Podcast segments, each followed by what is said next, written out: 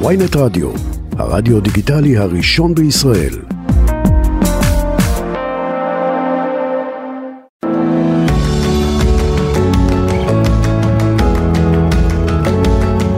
שלום לכם וגם שלום לכן, ברוכים הבאים לעוד תוכנית של אספת הורים, תוכנית ההורות שלנו כאן בוויינט רדיו. עורכת התוכנית היא ליאת מלכה, טכנאי השידור הוא חגי בן עמי ואני גר כוכבי, שלום.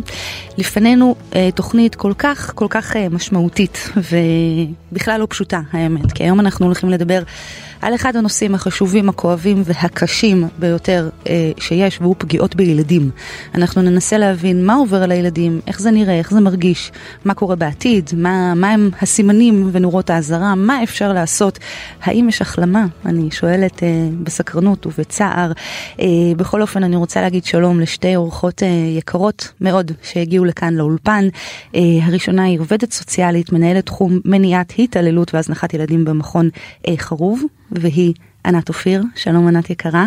האורחת השנייה שלי היא שרון בראל תמיר, שהיא עורכת תוכן, מנהלת קבוצת הפייסבוק כוכבים כחולים נגד אלימות במשפחה, מרצה ומומחית מניסיון חיים שחוותה התעללות מצד אביה בילדותה. שלום לשתיכן. שלום, שלום אגב. אנחנו צריכים ככה, צריכות לקחת אה, המון המון אוויר אה, ולהיכנס אה, ולצלול. אז ענת, אני אשאל אותך קודם, איזה סוגי פגיעות בעצם קיימות? אנחנו מדברות על, את יודעת, יש פגיעות מיניות, פגיעות פיזיות, פגיעות רגשיות, בואי נמנה אותן. אז אמרת את רובן, okay. אוקיי. ונגיד שכשאנחנו מדברים על התעללות בילדים, אנחנו מדברים בעצם על כל פגיעה פיזית, מינית, רגשית, שמתבטאת במעשה או דווקא במחדל אה, שהוא יכול להתבטא בהזנחה מתמשכת mm. אז גם הזנחה אה, מצטרפת בעצם לרצף הזה של התעללות ואנחנו מדברים בעצם על פגיעות שגורמות ככה להתפתחות התקינה אה, של הילד אם mm-hmm. באופן מיידי או לנזק עתידי mm-hmm. שיכול להיגרם גם אם הוא אה, לא נגרם כבר עכשיו. כן, בבית ומחוץ לבית אני מניחה. כשאנחנו מדברים על פגיעות בילדים בהחלט יש את המקומות אה, השונים שבהם ילדים יכולים להיפגע אם זה בעולם האמיתי או בעולם הווירטואלי זה יכול mm-hmm. להיות בתוך המשפחה זה יכול להיות בסביבה המיידית של הילד בכיתה או בגן mm-hmm. או בשכונה זה יכול כמובן להיות היום באינטרנט הרבה מהפגיעות בעיקר הפגיעות המיניות בילדים. ילדים מתרחשות בעולם הווירטואלי כן. הזה של אה, רשתות חברתיות אה, ועוד. כן.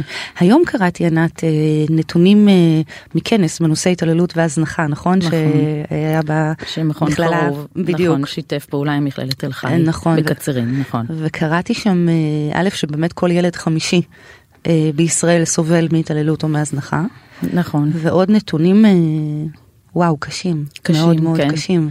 במחקרים שנעשו אה, בעשור האחרון בישראל, אה, אה, שבהם בעצם הלכו ושאלו קבוצות מאוד גדולות, מעל 12 אלף אה, ילדים, אה, חילונים, דתיים, ערבים, יהודים, בשיתוף פעולה עם אוניברסיטת חיפה בעצם למדנו שאחד אה, מחמישה ילדים אומר כן. שהוא בעצם חווה פגיעה בידי מבוגר ואנחנו מדברים על שאלונים מאוד ספציפיים לא ששאלו שאלות קלות כמו כן. אם אה, קיבלת מכה קטנה ממישהו אלא על שאלות וואו. מאוד ספציפיות של התעללות אז אנחנו מדברים על 20 אחוז מהילדים וזה בעצם אומר שאנחנו לא קרובים אפילו לקצה הקרחון של איתור וזיהוי של הילדים כן, האלה ועל כן. כל ילד שמדווח אה, לרשויות בין אם זה שירותי הרווחה או, או המשטרה יש בעצם לפחות שלושה ילדים שאנחנו לא יודעים עליהם. וואו. כי ילדים לא מספרים, כן. על זה אנחנו נדבר בהמשך, אבל רוב הילדים לא מספרים. בטח. אה, שרון, אני רוצה לשאול אותך, אולי אה, אם את מוכנה. קודם, קודם כל כמובן אני ככה אשאל ואשאל, אבל אם יש משהו שאת אה, מרגישה פחות בנוח לדבר עליו, אז תגידי לי כמובן. אבל ספרי לי על הבית שגדלת בו. אוקיי. אז אני גדלתי בבית של אה, שני הורים מורים, אקדמאים, אה, אימא סגנית מנהלת בית ספר, אה. מאוד מוערכת, מאוד מצליחה. אבא שלי תואר שני בחינוך, היה גם מועמד למועצת העיר, גרנו בקריות.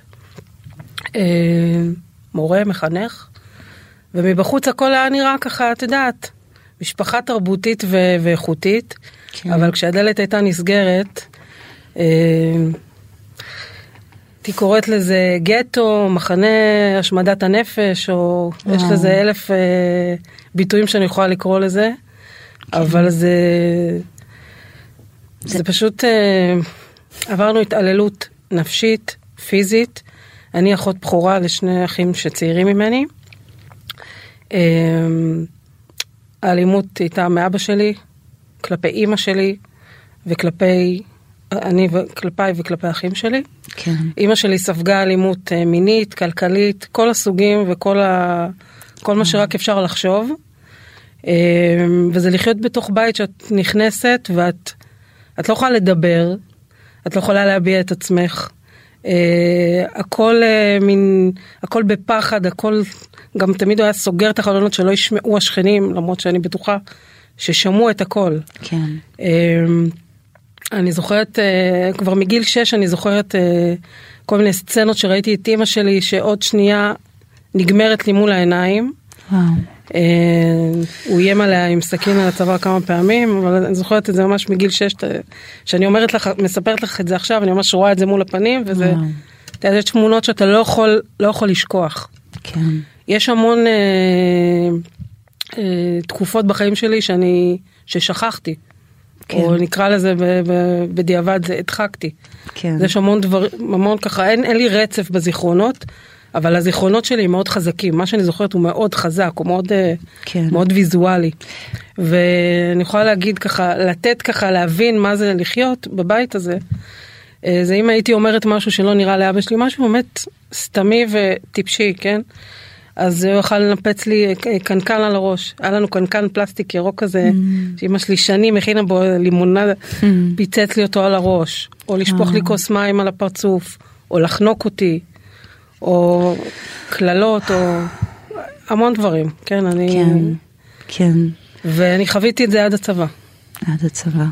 כן. ענת, אני שומעת כאן משרון שהיא מדברת על בית עם שני הורים שהם אנשי חינוך, אנשי אקדמיה, אה, מוכרים בעיר.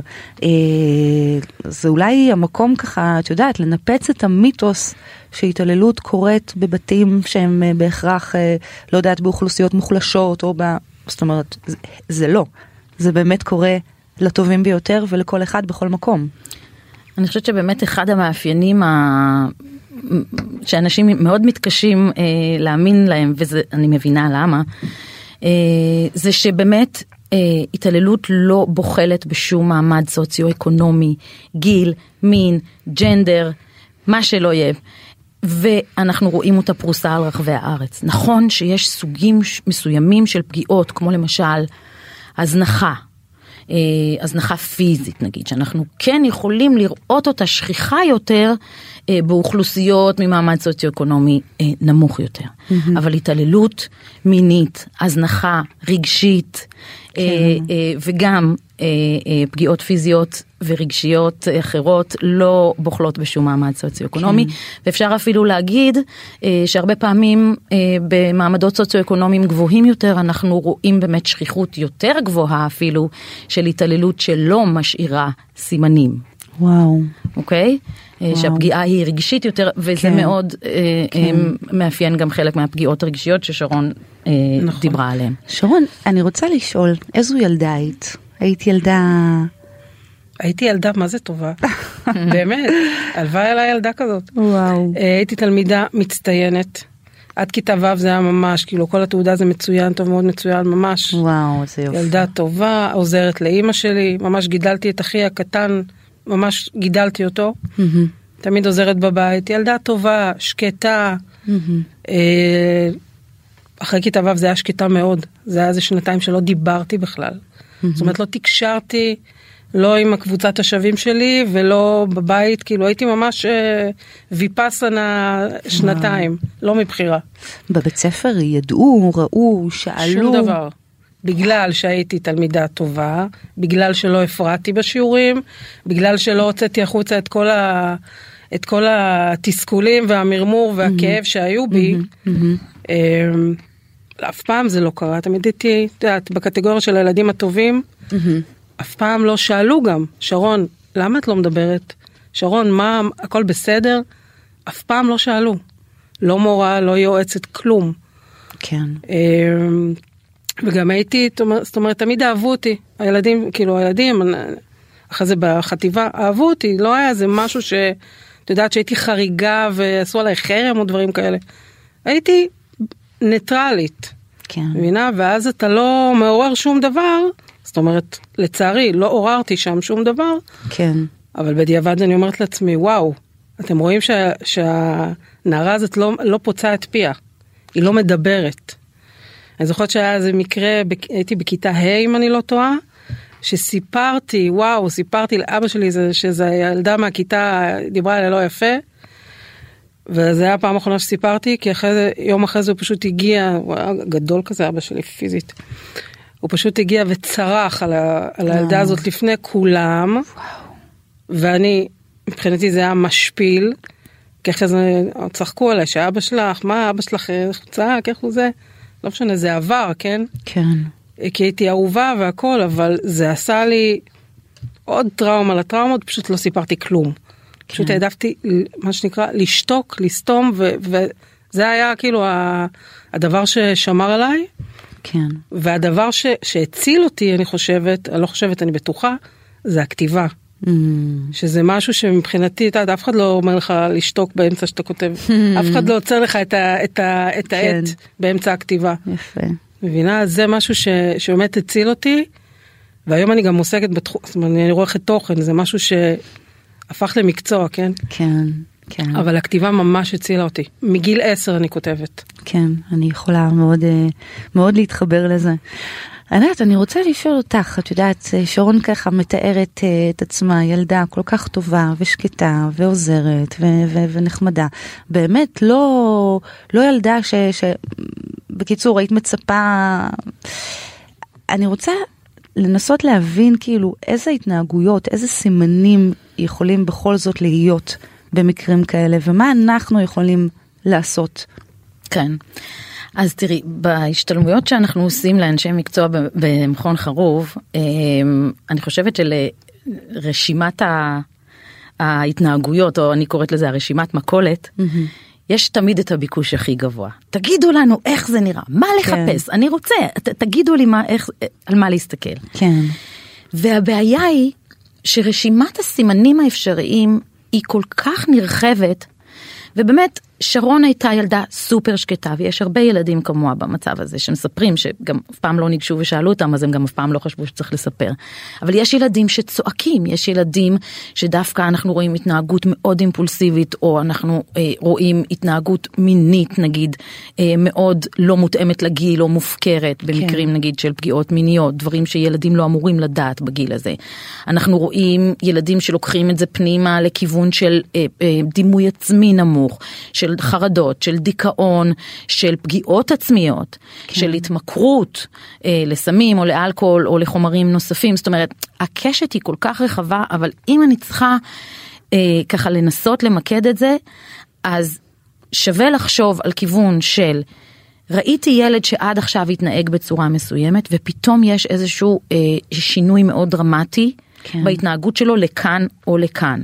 אבל אם אנחנו מדברים על מישהי כמו שרון שגדלה בבית כזה אז אנחנו לא נדבר דווקא על שינוי מאוד דרמטי אז אה, אה, משהו שהוא קיצוני או ילדה ששותקת במשך שנתיים כמו שרון או ילד שכל הזמן צועק שכל הזמן מתפרע שהרי הרבה פעמים באים ואומרים למה אתה מתנהג ככה ובכעס מאשים כן. ואחד הטיפים באמת הכי טובים לתת זה במקום לשאול למה אתה מתנהג ככה לבוא ולשאול בוא תגיד לי תספר לי מה קורה איתך כן.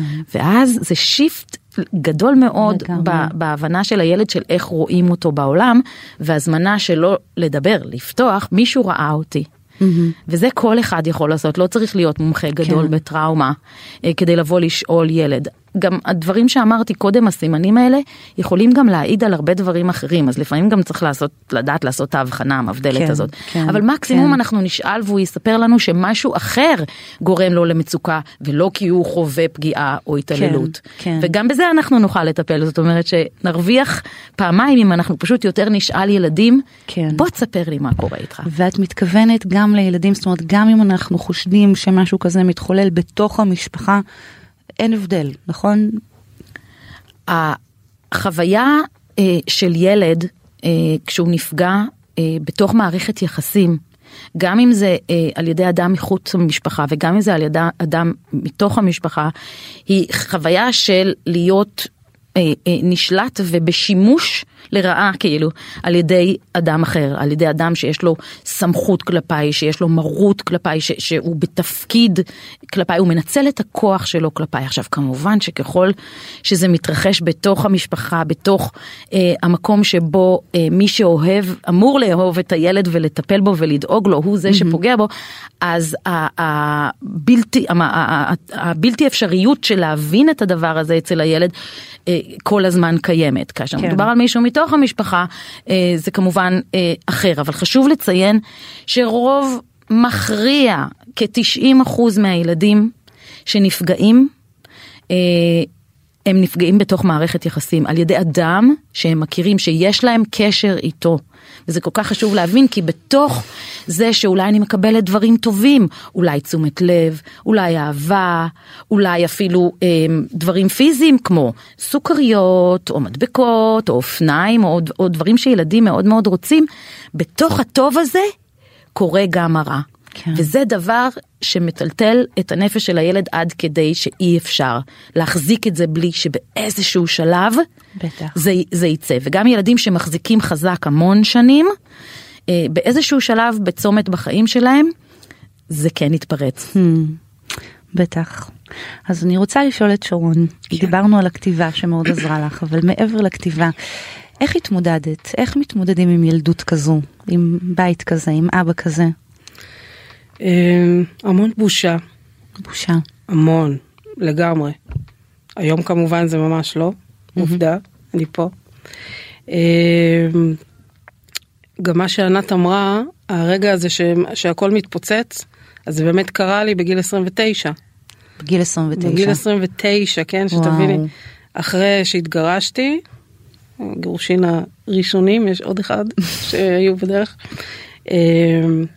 הגעתי למצב של, של די דומה למה שאימא שלי חוותה, זאת אומרת מאוד מצליחה בעבודה, עובדת מצטיינת, גם שם, וואו. כן, מצליחה מאוד אה, בבוקר, ובערב, אה, ממש זה היה אחרי הגירושין, נכנסתי לאיזה דיכאון ומשבר וחוויתי התקפים פסיכוטיים, ממש.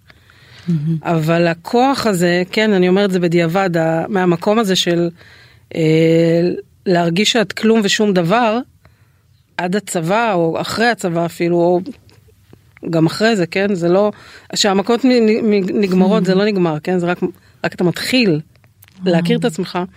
אה, זה מהמקום הבאמת אה, הקשה הזה, כנראה חישל אותי כל כך, שיצאתי מהמצבים מה, אה, הנפשיים הקשים האלה בכוחות עצמי. זאת אומרת, אני ריפיתי את עצמי. ממש ככה. יכולתי להיות באשפוז, יכולתי לקחת כדורים פסיכיאטריים וזה לא קרה. מה עשית? ספרי לנו. וואו, כן, זה, אה, זה ממש היה, אה, זאת אומרת, הגעתי למצבים שממש תקשרתי והרגשתי דברים מאוד חזקים והכל התערבב עם חרדות ופחדים, כן. לא, ללא קשר למציאות, זה היה ממש כאילו כמו פיצול כזה. אה, קודם כל הכתיבה, הייתי כותבת המון, כותבת וזורקת, כותבת מחברות שלמות. אה, חיפשתי איזה יום בעיתון, אמרתי אני מוצאת תשובה, מצאתי, אה, התחלתי רפלקסולוגיה ופרחי באך וצמחי מרפא והמון ספרי מודעות של אה, לואיז היי, אם אני לא טועה קוראים לה, המון ספרים, המון קריאה, זאת אומרת המון להבין, לקרוא והמון להוציא בכתיבה.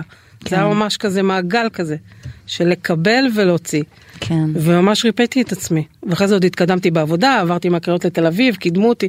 אז זה ממש, אני, זאת אומרת, אני ממש, היום בדיעבד אני אומרת, המצבים המאוד קשים שהייתי בהם, פשוט חישלו אותי להגיע למצב שריפיתי את עצמי ממקומות ש, שאנשים uh, מתאשפזים. כן, כן, כמה ו, כוח. כן, ואני יכולה להגיד לך בהמשך, uh, שגם המשחק uh, הציל לי את החיים. למדתי משחק בהמשך, זה היה אחד החלומות שלי, היה לי מין דף חלומות ואחד זה היה ללמוד משחק. Mm-hmm. Uh, ואני בדיוק החודש, ארבע שנים בתיאטרון פלטפורמה. זה תיאטרון שהקימו אה, דנה דבורין וקרן כהן. וזה תיאטרון אקטיביסטי שפועל למען נשים אה, נפגעות אלימות. אה, ואני שיחקתי בהצגה שנקראת סתמי את הפה, בעצם שיחקתי את עצמי, וואו. עם עוד ארבע בנות מהמחזור השני, זה מחזורי לימוד. זאת אומרת, אנחנו למדנו שנה וחצי בקאמרי, שזה תיאטרון הבית, את כל מקצועות הבמה, כולל משחק, כתיבה, הפקות, ומתוך קבוצה של 20 נשים בוחרים כמה שיעלו על הבמה. זה ממש בקצרה. אז גם הכתיבה וגם המשחק וגם קריאה. כן. אה, בהמשך, אחרי שאבא שלי נפטר, אז בשבעה שהוא נפטר, זאת אומרת ממש בשבעה, התחלתי להוציא את זה החוצה.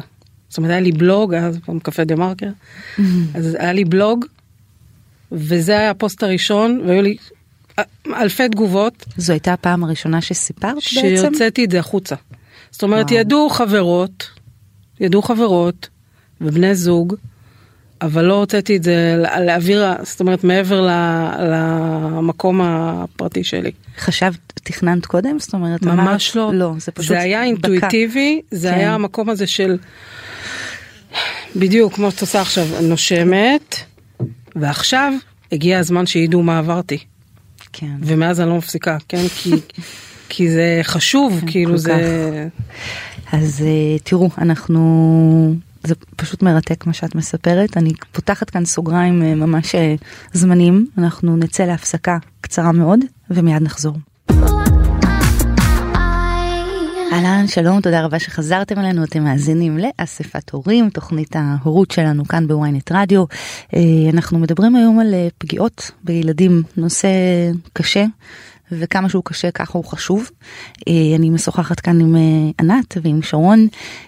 שרון, סיפרת קצת על, על דברים שעזרו לך להתמודד, נכון? גם טיפולים עצמיים ו...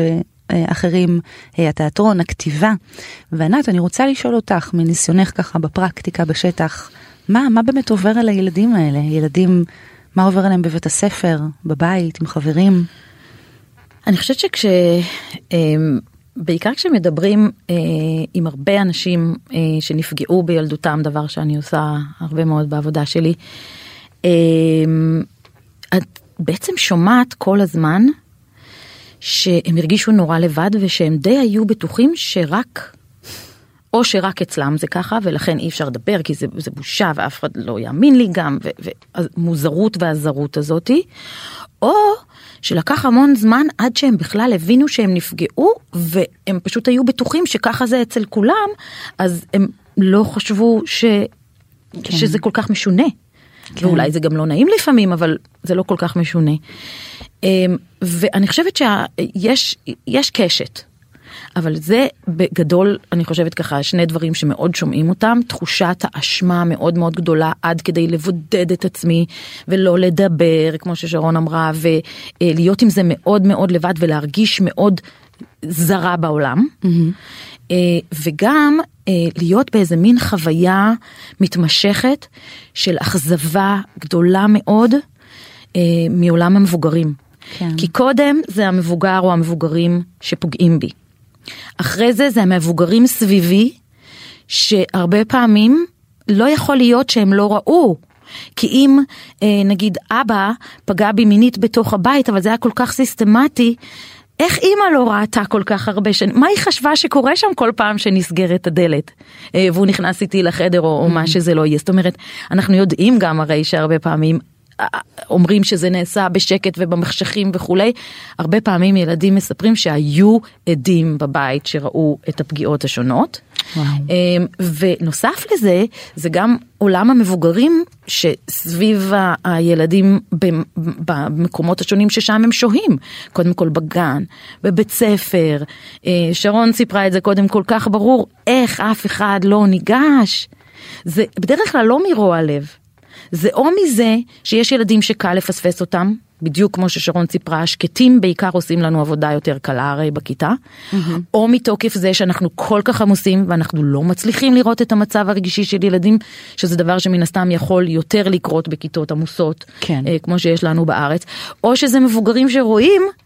אבל מפחדים לגשת, או פוחדים לשמוע, או מעדיפים פשוט לא לדעת, כי הם יודעים שזה יעמיס עליהם חובה מסוימת גם. ייתכן גם ש, שאנשים, אה, אני, אני אספר את זה אחרת, לפני התוכנית ככה קיבלנו המון אה, שאלות, ושאלה אחת הייתה על... בעצם אה, בחורה שסיפרה שבבניין שלה היא שומעת המון המון צעקות, יש לה שכנה שהיא אם חד הורית לתינוקת, והיא שומעת צעקות, צעקות, צעקות, והיא לא יודעת מה לעשות, זאת אומרת, אם לדווח, לא לדווח, למי לדווח, ואם בסוף זה שום דבר, והיא לא רוצה להסתכסך עם השכנה, זאת אומרת, היא הציגה דילמה ש... כן. ייתכן שהרבה אנשים אה, שותפים לה, לא רוצים להתערב במה שקורה בבית, לא רוצים להיכנס בין הילד להורים. בהחלט. אה, דרך אגב, בקבוצות נשים בפייסבוק, אה, מקומות שאני נמצאת בהם, את רואה המון שאלות כאלה שנשים מתייעצות אחת עם השנייה, נכון שרון? כן. כן, אנחנו יכולים או לשמוע אה, בכי בלתי פוסק של ילדים אה, בבית הסמוך, אנחנו יכולים לראות משהו שקורה אה, שוב ושוב בגן המשחקים, או אה, ילד בגן של הילד שלי, או כל מיני שאלות מהסוג הזה. אז בגדול, אני חושבת שכשמדובר במישהו שאנחנו מכירים כמו השכן שלנו, אנחנו בהחלט, עוד לפני שבכלל מדברים על דיווח ועל מי, למי לפנות וכולי, אני חושבת שאפשר לעשות את הדבר האלמנטרי, החברי, הככה אנושי לעשות, של לנסות לגשת רגע, אולי לדפוק בדלת, לשאול אם אפשר לעזור אולי באיזושהי צורה, אם מדובר במקרה אה, של פגיעה בילדים, זה אולי גם טוב להעיר, בלי להתכוון, כן? אבל כן. להעיר את תשומת הלב של ההורים ששומעים אותם בבניין ושידעו ויהיו מודעים לזה. בהחלט. אה, אבל מעבר לזה, יכול להיות שאנחנו נמצא מעבר לדלת אימא. לא יודעת, אחרי לידה, במצוקה נוראית, שחווה דיכאון אחרי לידה, ו, ולא מצליחה לגייס את עצמה אה, לטפל בילדים, ואולי אפשר לשאול, אם אולי אפשר לעזור באיזושהי צורה, אולי אפשר אה, לחבר אותה, לעזור כן. לה להגיע ל, ל, ל, ל, ל, לרופא משפחה, לחבר אותה לקבוצת אה, אם לאם שפועלת ב, ב, ב, ביישוב או, או בעיר הזאתי, כן. אה, כדי שהיא תהיה מתנדבת שתגיע אליה.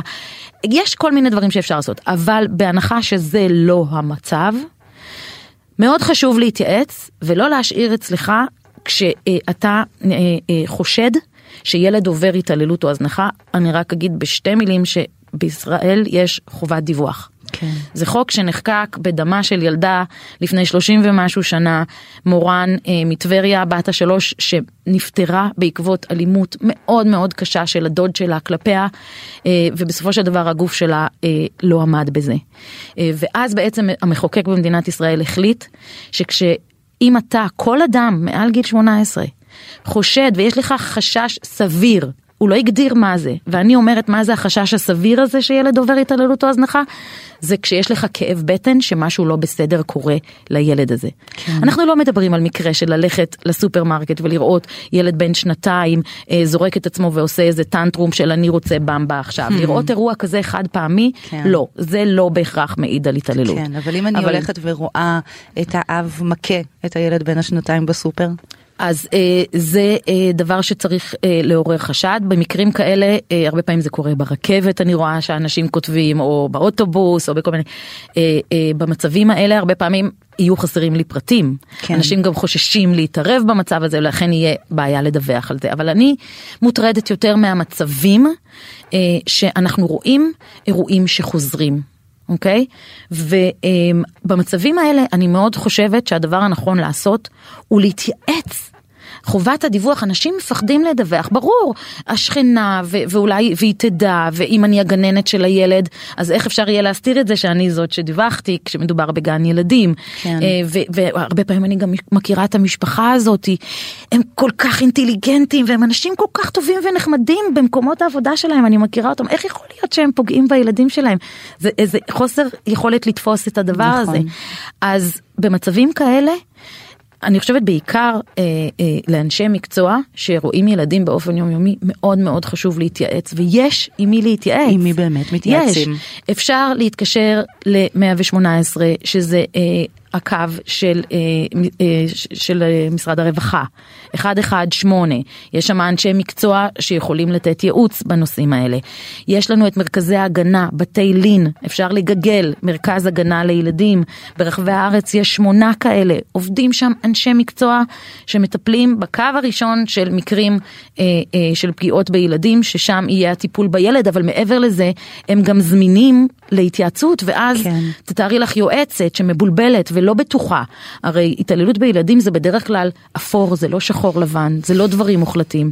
והיא יכולה לתת, ומעבר לקו היא יכולה אה, אפילו להתייעץ באנונימיות בשלב ראשון. כן. ולקבל הדרכה, מה לשאול. מה עוד כדאי לבדוק, מה להגיד, מה לא להגיד להורים, הנושא הזה הוא מורכב ולכן פשוט כדאי להתייעץ, אפשר לפנות למו, למועצה לשלום הילד, אה, אפשר לפנות אה, לעובדת סוציאלית בלשכה שירותים חברתיים, בכל עיר יש כן, כזאתי, כן. אז יש אנשי מקצוע שאפשר להתייעץ איתם, אני בעיקר מציעה את הזמינים יותר, כן. שזה באמת מוקד רווחה 118. המועצה לשלום הילד ומרכזי ההגנה לילדים ברחבי הארץ. כן. שרון, את חושבת שאם uh, כשאת היית ילדה היה ככה איזה מבוגר אחראי, יועצת או מורה, שהיו יודעים ומודעים, שואלים, בודקים, את חושבת, זאת אומרת, איך המציאות שלך הייתה נראית? הלוואי וזה היה באמת קורה, הלוואי.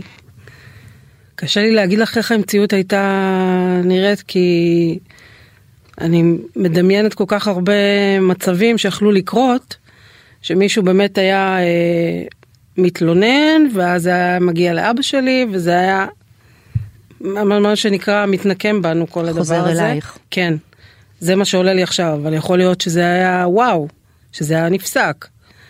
אה, אני יכולה להגיד לך שסבא וסבתא שלי, ההורים של אבא שלי, שהיו מאוד קרובים אלינו, אה, אני המון פעמים התקשרתי אליהם עם המשפט אבא רוצח את אמא, והם היו מגיעים, ולא קרה כלום.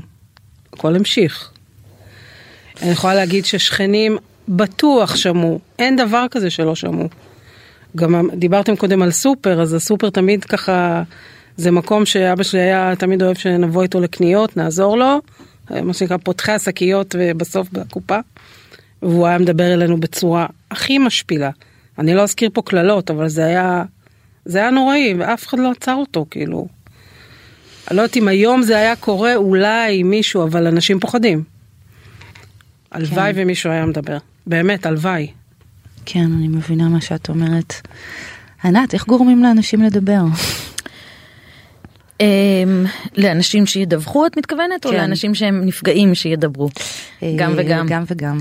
קודם כל, um, אני חושבת שהאחריות היא קודם, קודם כל שלנו כציבור, כחברה. אה, ולא להטיל את האחריות אה, על ילדים. שיבואו ויספרו כי גם ככה זה קשה מספיק. ולילדים יש מספיק סיבות מנינו חלק מהם. בושה אשמה מי יאמין לי? אף אחד לא שאל אותי. אני אשם בזה המשפחה שלי תתפרק. אולי אבא ילך לכלא אולי יוציאו אותי מהבית נכון? קיימים כל החששות האלה. אה, ואלה גם חלק מאלה הם גם חששות של אנשים של למה לא לדווח. כי אולי המצב יחמיר, אני לא רוצה לגרום נזק נוסף לילד, אה, אולי יוציאו אותו מהבית, אבל האמת היא שהמיתוס הזה שעובדות סוציאליות אה, הן חוטפות ילדים, הוא באמת מיתוס. אני יודעת שיש כאלה שמאמינים בו, אבל חשוב לי להפר את זה. כן, כי אחוז. מאוד קטן של הילדים, משהו כמו 14 אחוז בלבד מהילדים שמטופלים על ידי אה, עובדות סוציאליות לחוק הנוער, שזה העובדות אה, אה, סוציאליות שבעצם יש להם את, המ, את המינוי ואת הסמכות לטפל במקרים של ילדים נפגעי התעללות. רק 14 אחוז מהילדים שמטופלים בגין אה, אה, פגיעה בהם, הם ילדים שבלית ברירה כמוצא אחרון מוצאים מביתם. כן. יש המון תוכניות היום לטיפול בילדים בקהילה, יש ילדים שמטופלים כמעט עד, עד סוף היום, בערב, עד הערב, במסגרות, רק כדי לא להוציא אותם מהבית, ושכל מה שנשאר זה לעשות, לחזור הביתה פיפי ולישון, כן. אפילו ארוחת ערב הם קיבלו. כאילו המטרה היא כמה שיותר להשאיר את הילד בסביבה שלו, כי הפלא ופלא, גם ילדים שההורים שלהם פוגעים בהם, אוהבים הרבה פעמים את, ה, את ההורים שלהם. כי אימא ואבא יש רק אחד, ועם כל המורכבות הזאת, גם ילדים שנמצאים כבר מחוץ לבית בפנימיות, במסגרות אחרות חוץ ביתיות, כששואלים אותם מה אתה הכי רוצה, התשובה היא בדרך כלל לחזור הביתה. כן. או שאימא תבוא לבקר אותי, או שאבא. אז אה, קודם כל שלא נצפה, אה, לא נשים אחריות על הילדים, והמשפט שמבהיר את זה, שאני לא אוהבת אותו, זה איך לא סיפרת לנו. Hmm, זה כן. משפט מאשים למרות שהוא בא ממקום טוב. לגמרי. אז מודעות, אה, מערכות, אה, מסעות הסברה, אה, אה, לציבור הרחב, אה, דיבור עם אנשי מקצוע, הכשרה של אנשי מקצוע היא כל כך חשובה. בישראל אין חובת הכשרה של אנשי מקצוע, לא לעובדים סוציאליים, לא לרופאים, לא לאחיות, לא למורות, לא לגננות, לא לשוטרים. יש הכשרות, הן לא חובה, הן לא רציפות בכל מוסד ומוסד, ואנחנו עשינו סקרים בנושא הזה אה, אה, בקרב אנשי מקצוע, התוצאות הן מאוד ברורות. אנשי מקצוע שעובדים עם ילדים לא יודעים מה לעשות, הם לא יודעים למי לפנות, וואו. הם לא מכירים את הכתובות, ואז אנחנו בעצם מדברים על מצבים שגם אם אתה רוצה לעשות טוב, אתה לא, אתה לא יודע למי לפנות. לא יודע אז אנחנו לפנות. באמת היום הרבה יותר עוסקים בנושא הזה של הפצה של חומרים והפצה של אה, אה, מידע ב, ב, אה, ברשתות חברתיות, אה, בהכשרות שלנו לייצר חומרים שממש מגיעים לאנשי מקצוע שאחרי כן. זה אנחנו יכולים להשאיר להם משהו שיישאר להם בשטח. כן, אנחנו ו... גם... אני קוטעת אותך, אבל באמת כן. גם בערוץ נכון. הורים, נכון? כתבנו כמה כתבות מדריכיות כאלו על מה עושים אחרי שמגלים פגיעה, ובאמת יש שם, אני מזמינה את כולם פשוט גם להיכנס ולקרוא את כל השלבים האלו. נכון, בכך. אני חושבת שחלק מהמסר פה הוא ש... אומרים שילד צריך, לגדל ילד צריך כפר שלם, כן, נכון? כן, זה משפט שחוזר פה הרבה בשולחן הזה. אז אני חושבת, אני פחות אוהבת את המשפט הזה, ואני חושבת שילד צריך בסך הכל מבוגר, מבוגר לפחות אחד. אחד שמאמין בו וזמין לו ואומר לו והוא לא חייב להיות מומחה לטראומה והוא לא חייב להיות מטפל גדול אה, בהתעללות זה יכול להיות גננת מורה מדריכה בצופים אה, אה, מנהל המתנס אה, בעל המכולת שמסתכל בעיניים טובות ואומר לילד לפעמים במילים לפעמים לא אני רואה אותך בוא תגיד מה קורה איתך, איך כן. אתה מרגיש היום, מה עובר עליך, אני רואה שקשה לך כן. היום, אתמול, אני רואה שכבר שנה קשה לך. להגיד לילדים את הדברים בגובה העיניים, וזה כל מבוגר יכול לעשות, ואחר כך יעלה מידע שמטריד אותך, אתה בתור מבוגר תמצא את הדרך להתייעץ ומישהו אחר יגיד לך מה לעשות, אתה לא צריך לדעת להיות מומחה לנושא הזה, יש מומחים לנושא הזה כן. בארץ. כן. שרון, את מרגישה שהיה היה איתך איזשהו מבוגר אחד שהאמין בך, אה, בילדות לא, כבר סיפרת, אבל בהמשך שלי. החיים? אני יכולה להגיד שאימא שלי. אימא. בתוך כל הכאוס הזה, שהיא הייתה מה שנקרא הילדה הרביעית שחטפה, אה, מעולם היא לא ביקרה, ביקרה אותי מבחינת ביקורת. קיבלה אותי as, I am, כאילו, את יודעת, היה בסדר, לא הייתי מזיקה, אבל אף פעם לא הייתה ביקורת, ותמיד היה את החיבוק ואת הנשיקה. אה, וראיתי מצד אחד דמות באמת קורבן אלימות, לאלימות קשה מאוד, מצד אחד ראיתי אישה חזקה שמצליחה מאוד בעבודה שלה, דדיקייטד ממש כאילו. אז למדתי מזה ומזה ובחרתי כל הזמן להסתכל על המודל השני הטוב, mm-hmm. המצליח, על האישה החזקה. אז זה משהו שלקחתי. אה, ואני יכולה לספר איזה משהו קטן עם המבוגר, אני לא, זוכ... לא זוכרת מבוגר שעזר לי, כן? אני יכולה להגיד על שני מקרים, חברה בכיתה י"א, אה, שזה הפעם הראשונה שסיפרתי לחברה, כי היא פשוט סיפרה לי שהיא חווה אלימות מאימא שלה. Mm.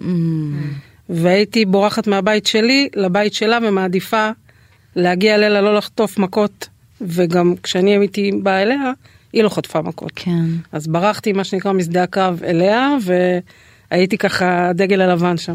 כן. אז זה עזר לשתינו. אז היא באמת ככה ממש עזרה לי אה, לראות גם את הדברים בצורה הומוריסטית. זאת אומרת הומור גם זה משהו שמאוד עזר לי, הומור שחור. אה, ואני יכולה להגיד שבגיל 12 זה, זה משהו כאילו די מטורף כי אני לא מכירה את הבן אדם הזה, כן, אין לי מושג מי הוא, אבל הלכתי לחוג אה, קלידים ועצר אותי באמצע הדרך, אה, הלכתי ברגל למתנ"ס, ועצר אותי באמצע הדרך אה, מישהו מבוגר, שיער לבן, לא, לא זוכר את הפנים שלו, אבל לא היה כזה מישהו ככה מכובד כזה, ואמר לי, ילדה, תרימי את הראש שלך למעלה, אף פעם אל תסתכלי למטה, תהיי גאה בעצמך. ותסתכלי למעלה תמיד כשאת הולכת. Mm. ואז הבנתי שאני שנים הולכת עם הראש למטה. כן. ועד היום, גילי המופלג, אני זוכרת את, ה... את הרגע הזה שהוא אמר לי את זה, אז שוב, זה לא מישהו שאני... וזה מישהו שלא מכיר אותי וזיהה איזה משהו כן, קטן. כן, מדהים, כל כך כן, משמעותי. מאוד. ממש. ואם אפשר רק, אם אפשר רק להוסיף למה ששרון אומרת, שרון סיפרה קודם שעל ככה הטיפול העצמי המשמעותי שהיא עשתה שמאוד עזר לה. חשוב רק להדגיש שבכל מקרה צריך למצוא את, ה, את, את, את מה שעוזר. אבל בגדול מאוד חשוב להגיע לאנשים הנכונים, אוקיי? כי נכון. בשוק יש הרבה אה, אנשי מקצוע אה, יותר אה, מיומנים, פחות מיומנים, ובנושא הזה של פגיעות בתוך המשפחה, כשהולכים לטיפול אצל מטפל, חשוב לוודא שזה אדם שמומחה בטיפול בפגיעות בילדים. כן. אם זה פגיעה מינית, אז מומחה בטיפול בפגיעה מינית, אם זה פגיעות אחרות, יש היום מרכזים אה, לטיפול באלימות במשפחה, שם יש הרבה אנשי מקצוע, יש היום מרכזים לטיפול אה, בפגיעות מיניות שהמדינה מממנת אותם. אז יש אנשי מקצוע וזה נורא חשוב, כי הרבה ילדים שמגיעים למקומות לא נכונים יכול להיגרם להם פשוט נזק נוסף. כן. אז אה, כן. חשוב להקפיד על זה. חשוב לי לציין שאני גם, שגם טיפלתי, זאת אומרת טופלתי על ידי פסיכולוגית ו... זה משהו שחשוב מאוד שאמרת. כן. בטח. אתן אה, אומרות אה, באמת דברים, אה, אין, אין לי מה, כל כך מרתקים, חשובים ומשמעותיים, שבאמת בכוחם ממש להציל, להציל נפשות, לא פחות מזה. תגידו, יש לנו פינה כאן בתוכנית. אני כן. נותנת לכן את הבחירה. אתן רוצות לעשות אותה? בא לכן? בטח. בטח, ידעתי שרון שתסכימי. בואו נשמע אותה ונמשיך. מאלף ועד תף, לקסיקון האורות הגדול. שרון, פינה קטנה, חמודה, לא מזיקה, אבל מה זה מעניין אותי לעשות אותה בכיף. איתך? יאללה. אז תראי, אני סופרת ככה בשקט, אני מונה בלב את המדינות, א', ב', ג', ד', כמו ארץ עיר, תעצרי אותי ונמשיך משם, בסדר? Okay. אוקיי. תגידי לי stop. אז אני מתחילה. א', stop. נון. שרון יקרה, איזו מילה עולה בך באות נון? תתפרעי. נשמה. נשמה. אפילו לא היית צריכה כל כך להתפרע. נשמה, מקסים. מה, תספרי לי, מה זו נשמה בשבילך? מה זה נשמה? אני חושבת שכל... אני חושבת שהחיים לימדו אותי להסתכל על אנשים, קודם כל הנשמה שלהם, אה, לא על העטיפה, אה, וגם כאימא. זה כל הזמן להסתכל על הנשמה של הבן שלי, כל כן. הזמן.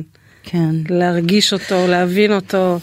זה הדבר שאתה צריך אה, לטפח ו- ו- ו- ולהבין כשקשה לו ולהבין כן. ו- ולשמוח שטוב לו. כן, לראות ולהקשיב אותו. ולהקשיב גם לעצמך, לנשמה של עצמך. כן, בטח. לא פחות חשוב. כן. ענת? אה, אני ארשה לעצמי דווקא ללכת אה, לכיוון שלילי, סליחה. אה, אני חושבת הרבה על המילה נזק. נזק, זה גם מה שלי על בראש. אני חושבת שאנשים מבוגרים צריכים פשוט להיות מודעים לכמה נזק אפשר לעשות לילדים ולהשתדל איפה שאנחנו יכולים לעשות הכי הרבה טוב שאפשר כי ילדות יש רק אחת וזמן ילד זה דבר כל כך יקר שנה אצל ילד היא לא מקבילה לשנה בגילנו המופלג שרון. אמ, וזאת החוויה שתישאר לו.